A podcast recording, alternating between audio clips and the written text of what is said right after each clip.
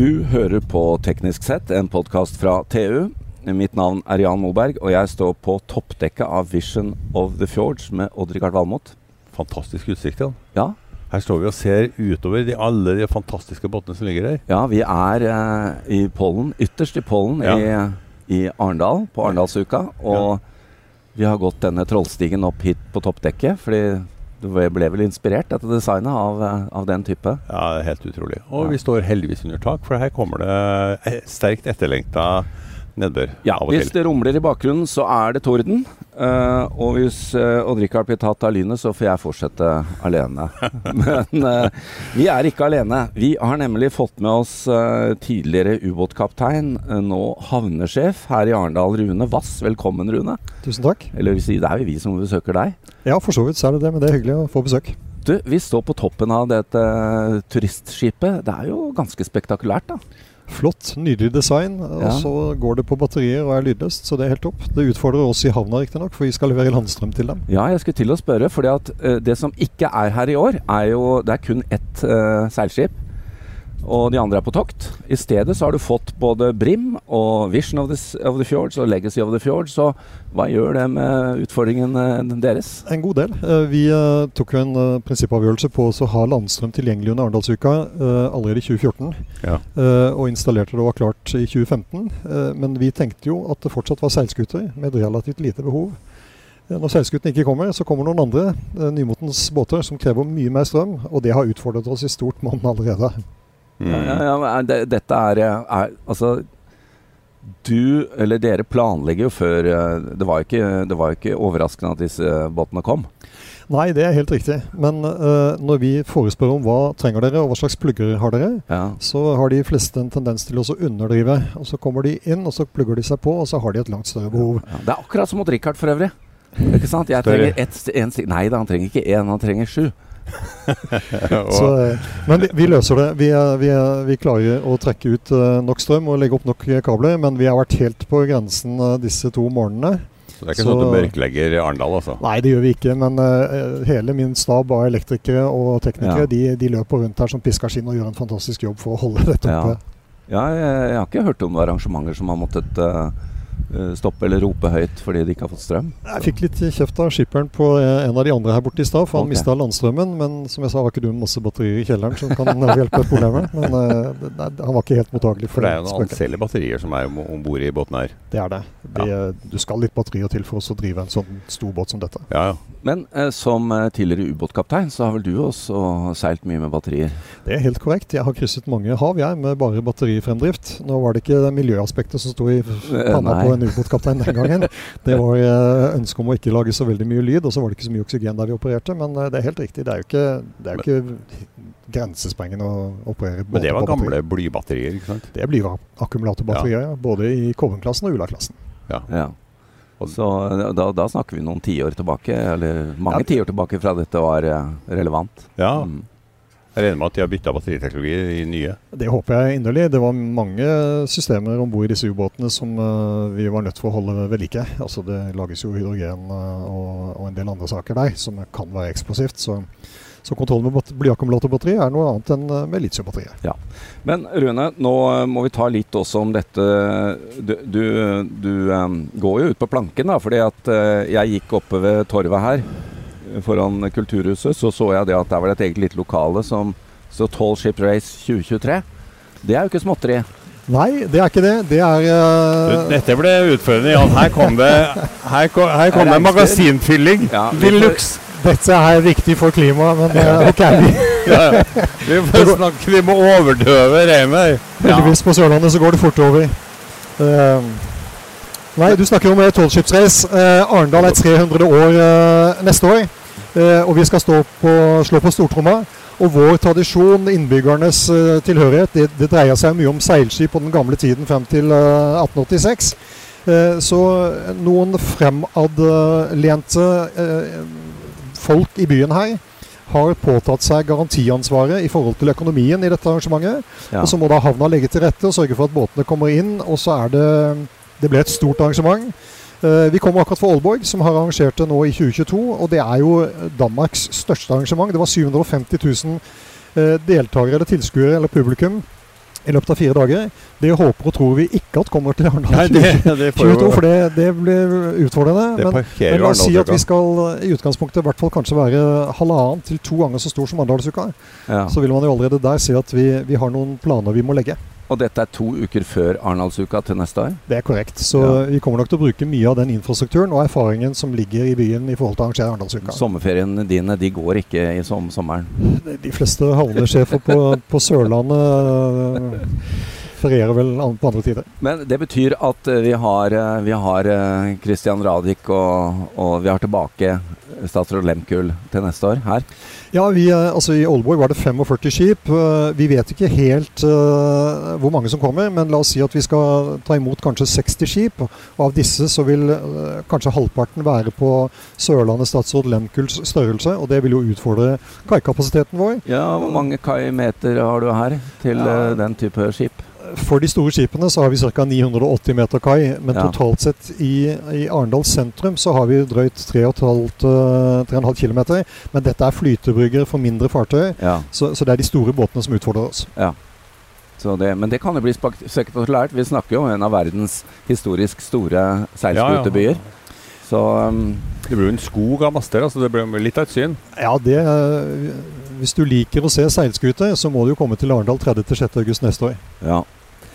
Ja, nei, det gleder vi oss til. Eh, Vi må også ta to ord om, um, om Arendal havn, Rune. Fordi eh, ja, jeg kan jo ikke så mye om havn, men eh, jeg skjønner jo det at her har det vært en stor utvikling. Og eh, det er jo distribuert, da. Mange tenker på Arendal havn som pollen og det umiddelbare området rundt, men eh, det er jo ikke bare det. Nei, altså eh, Arendal havn er i likhet med veldig mange andre. Det er en offentlig eiet havn, men, men vi er på en måte også helt kommersielle. Vi får ikke noe, noe tilskudd for å drive, så vi, vi må ha kunder, og vi må opptre på en fornuftig bedriftsøkonomisk måte. Arendal havn har, eh, for de som liker tall, har ca. en million tonn eh, gods over kai, primært sett på Eidehavn. Eh, Men vi har også et tankanlegg, et gammelt Nato-tankanlegg, der rundt 20% av all HVO, altså som er tilsetningsstoffet i diesel, Ja. eh, kommer inn og blir distribuert eh, rundt omkring i hele landet. Akkurat. Eh, Det vi er størst på i, på Eidehavn, er jo bl.a. veisalt fra Afrika. Oh, ja. Eh, Det kommer inn med store båter som losses eh, i i vår havn. eh, Og som da distribueres opp langs hele kysten, helt, helt langt nord opp til Tromsø og videre. Videre med skip, eller? Ja. Videre med skip. Ja. Distribueres ned fra store skip til Mm. mindre skip, som da kan Mm. gå inn på de stedene hvor man har behov for det. Mm. Så det er en betydelig aktivitet, og vi har vokst veldig mye. De siste seks årene så har vi prosentvis hatt eh, størst vekst blant norske havner. Men når man starter på veldig lavt nivå, så er jo ikke prosent eh, Nei, kanskje nei. spesielt interessant. Men, men vi, er, vi nærmer oss også en million tonn over kai. Og nå har vi også, eh, for ligger foran oss, så ligger det jo en betydelig økning. Eh, det kommer en batterietablering, Ja. den vet vi. Morrow, ja. Morrow, ja. Mm. Men i tillegg til det så regulerer vi tre og en halv gang så mange industriarealer til ytterligere kraftkrevende og logistikkintensiv industri i det området. Ja. Og det vil utfordre havna. Men Morrow bygger sin egen havn, gjør det? Nei. Morrow skal eh, ut med sine produkter over en eh, offentlig havn som er tilgjengelig for alle. Så de skal utover Eidan men det er, det er vi som styrer havna. Det er noen tonn. Og er- skal inn, og det skal ut. Det er riktig. Vi har gjort masse beregninger på hvor mye Hva betyr dette? Ja. Hvor, hvor, altså, hva er godsvolumene? Hva er det vi skal på en måte planlegge for? Og med noe usikkerheter så ser vi jo at dette Arendal i 2030 vil trolig være en betydelig konteinerhavn. i tillegg til at vi er store på bulk og da på Ja, og da snakker vi hovedsakelig om Eidehavn, som ligger eh, noen kilometer eh, nordøst for Pollen. Det er helt korrekt. Og på innsiden av Tromøya, så det er en veldig lun havn, da. Det er helt korrekt. Ja. Der, der ligger vi veldig godt. Og det er, det er et strategisk riktig grep som ble tatt i Arendal eh, rundt 2006, hvor man så at havna i sentrum ikke var den rette plassen å Ja. drive industrielt. Så bystyret vedtok å flytte havna ut, eller kaste den ut om du vil, og sa Ja. at dere skal etablere det et annet sted. Det, var en, eh, det har vært en krevende sak, men det har gått veldig bra. Og nå ser vi at havna er et viktig instrument for å få til bedriftsetableringer, verdiskapning og den aktiviteten som politikerne og eierne av havna faktisk ønsker. Men dette ser vi jo i andre byer, og sånn som i Oslo, så skal man jo omtrent ikke ha havn eh, lenger, er eh, mitt utsagn. Hvilke innflytelser har det på mulighetene for Arendal? Du, eh, Havnevirksomheten vil bli viktigere og viktigere. Nå har den ligget veldig distribuert, men du ser de gamle havnene rundt oss, altså Tvedestrand, Grimstad og sånne Ja. ting, de er jo i ferd med å legge ned. Ja. Man kan ikke ha eh, hele rekken Nei. av havner alle steder, men man må plukke ut noen egnede steder som, Ja. vil, som må fungere for regionen. Ja. Eh, og det, det tror vi har gjort nå. Og så er det jo veldig bra for oss, fordi at vi sitter utenfor bykjernen med en forutsigbar reguleringsplan. Mm. Vi vet hvor vi skal være, og det gjør at man kan satse på uh, å etablere seg i nærheten av oss, fordi at der vil det være Ja. havn. En havn, og Rikard. eh, Eidehavn. Kan du gjette hvem det er oppkalt etter? Sam Eide. Ja. Min store helt. Din store helt, ja. Ja, ja, på ja. det. Ja. Da har vi i hvert fall noe felles. Fordi at vi har Ja, det, samme det visste jeg ikke, men, men eh, du verden. Ja. Eh, jeg, tror I den daglige debatten så tenker vi jo på infrastruktur som jernbane og veier og sånne. Så jeg tror havn eh, liksom går Folk går litt hus forbi, men det er jo ekstremt viktig. Ja visst er det vel. fordi at eh, altså, eh, Hvis du tenker på vei, så, det, så koster det samfunnet veldig veldig mye penger hvert år. altså om man, når man Ja. kjører NTP og, og, og statsbudsjettet. Eh, når det gjelder havner og sjøtransport, så ligger jo på en måte transportveien der. Og så er det da havnene som er på en måte kommunalt eid, som gjør investeringene for å få dette til å fungere. Ja. Så det forsvinner litt i mediebildet, men det er utrolig viktig. Det går langt mer varer over norske havner enn det det går på andre På vei og jernbane ja, og fly. og alt absolutt. det Så, så det er helt kritisk avgjørende infrastruktur for nasjonen, Ja. og også for regionene. Eh, Rune, vi traff deg under Lydløsfestivalen her i vår. Og da kom det en artikkel i, på TV-en og etterpå der det står 'Autonomi er ikke viktigst når havnesjefen i Arendal ønsker seg nye passasjerferjer'. Der var du veldig tydelig. Og eh, vi snakker om elektrifisering, og sammen med det så kommer gjerne dette med autonomi. Når vi står her og ser utover havnebassenget, så er det litt rolig nå pga. Uh, av regnet, men eh, det er sjøfly som kommer inn, det er et par båter som ligger på Vågen her, og, på, og i går var det til og med delfiner her. Så det, ja, hva sier du? Er det greit med autonomi i dette trafikkbildet? Ja, autonomi er helt fint. Eh, Som, som beslutningsstøtte så er det helt supert. Men de fleste produsentene av båter eller andre aktører, de på en måte snakker om utslippsfritt på utpust, og så snakker de autonomi, autonomi på innpust som om det var en del av det samme på en måte Ja, ja. pakka. Det er det ikke. Um, og når man sier at ja, men uh, vi skal fikse dette for at dette skal på en måte gå automatisk, ja, da tenker jeg da vet man ikke nok om det komplekse bildet som finnes på sjøen. Det er ikke noe problem å navigere en båt fra A til B over en fjord med lite trafikk eh, og oversiktlige saker. Det går fint. Eller på Men- det åpne hav? Eller på det Ja. åpne hav. Null problem. Men hvis du kommer i Arendal en dag i juli Med delfiner og vannskuter og at delfine, Fly. fly og Altså, Bildet er så komplekst at det er ikke på en måte en matematisk løsning på det. Og hver enkelt aktør vil altså kunne gjøre vurderinger og handlinger som medfører at hele bildet endrer seg mer eller mindre momentant. Ja. Og i tillegg til det så kommer det noe som heter holdninger. Hvis du på en måte har en riktig holdning til det du holder på med i en båt, så er det bra. Hvordan skal du matematisk tillegge en holdning til et automatisert autonomisystem? Nei, det går, det går ikke. Autonomi er supert og bra, men det er altså ikke løsningen på alt dette. det kommer. Det kommer bare ikke så fort. Ja. Du ser på Elon Musk hvor han sliter. Ja. Selvfølgelig. Ja. Men det kommer. Men jeg må spørre deg, da du var ubåtkaptein, var, var det noe autopilot om bord i ubåtene?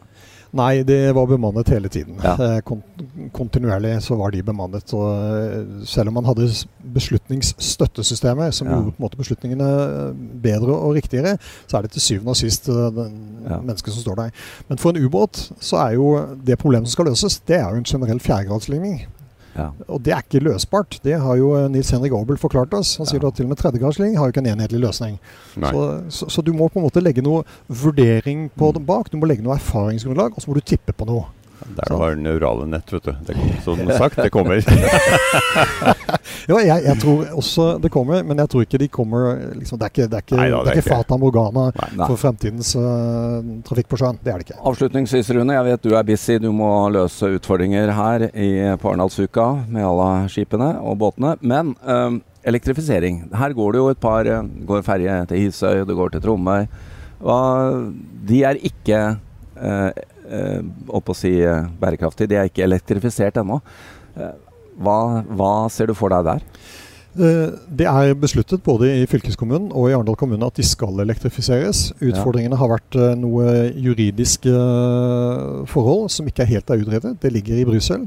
Vi venter på det, slik at vi på en måte vet at jussen er ålreit. Men målet her er jo at Arendal som Norges første klimanøytrale by ja. selvfølgelig ikke skal ha ferger eller andre ting i offentlig tjeneste som har utslipp. Det er jo nostalgi, da. De er flotte båter. Ja. Nydelige båter. Fantastisk. Men teknologien og klimaet krever at vi gjør noe annet. Rune Wass, vi må bare ønske deg lykke til med resten av Arendalsuka. Og tusen takk for at du stilte opp for oss i en travel tid. Så hører vi fra deg gjennom i hvert fall om et år. Tusen takk for at jeg fikk komme. Og takk til Odd-Rikard. Og mitt navn er Jan Moberg.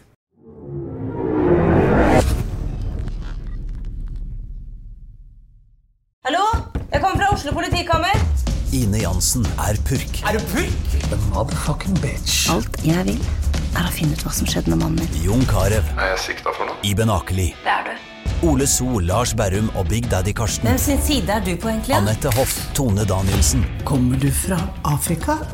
Jørnis Josef. Nesten. Kløfta. Trond Espen Seim. Det er synd å si det, men det var feil mann som døde. Purk. Premiere søndag på TV2 Play. Har du et enkeltpersonforetak eller en liten bedrift?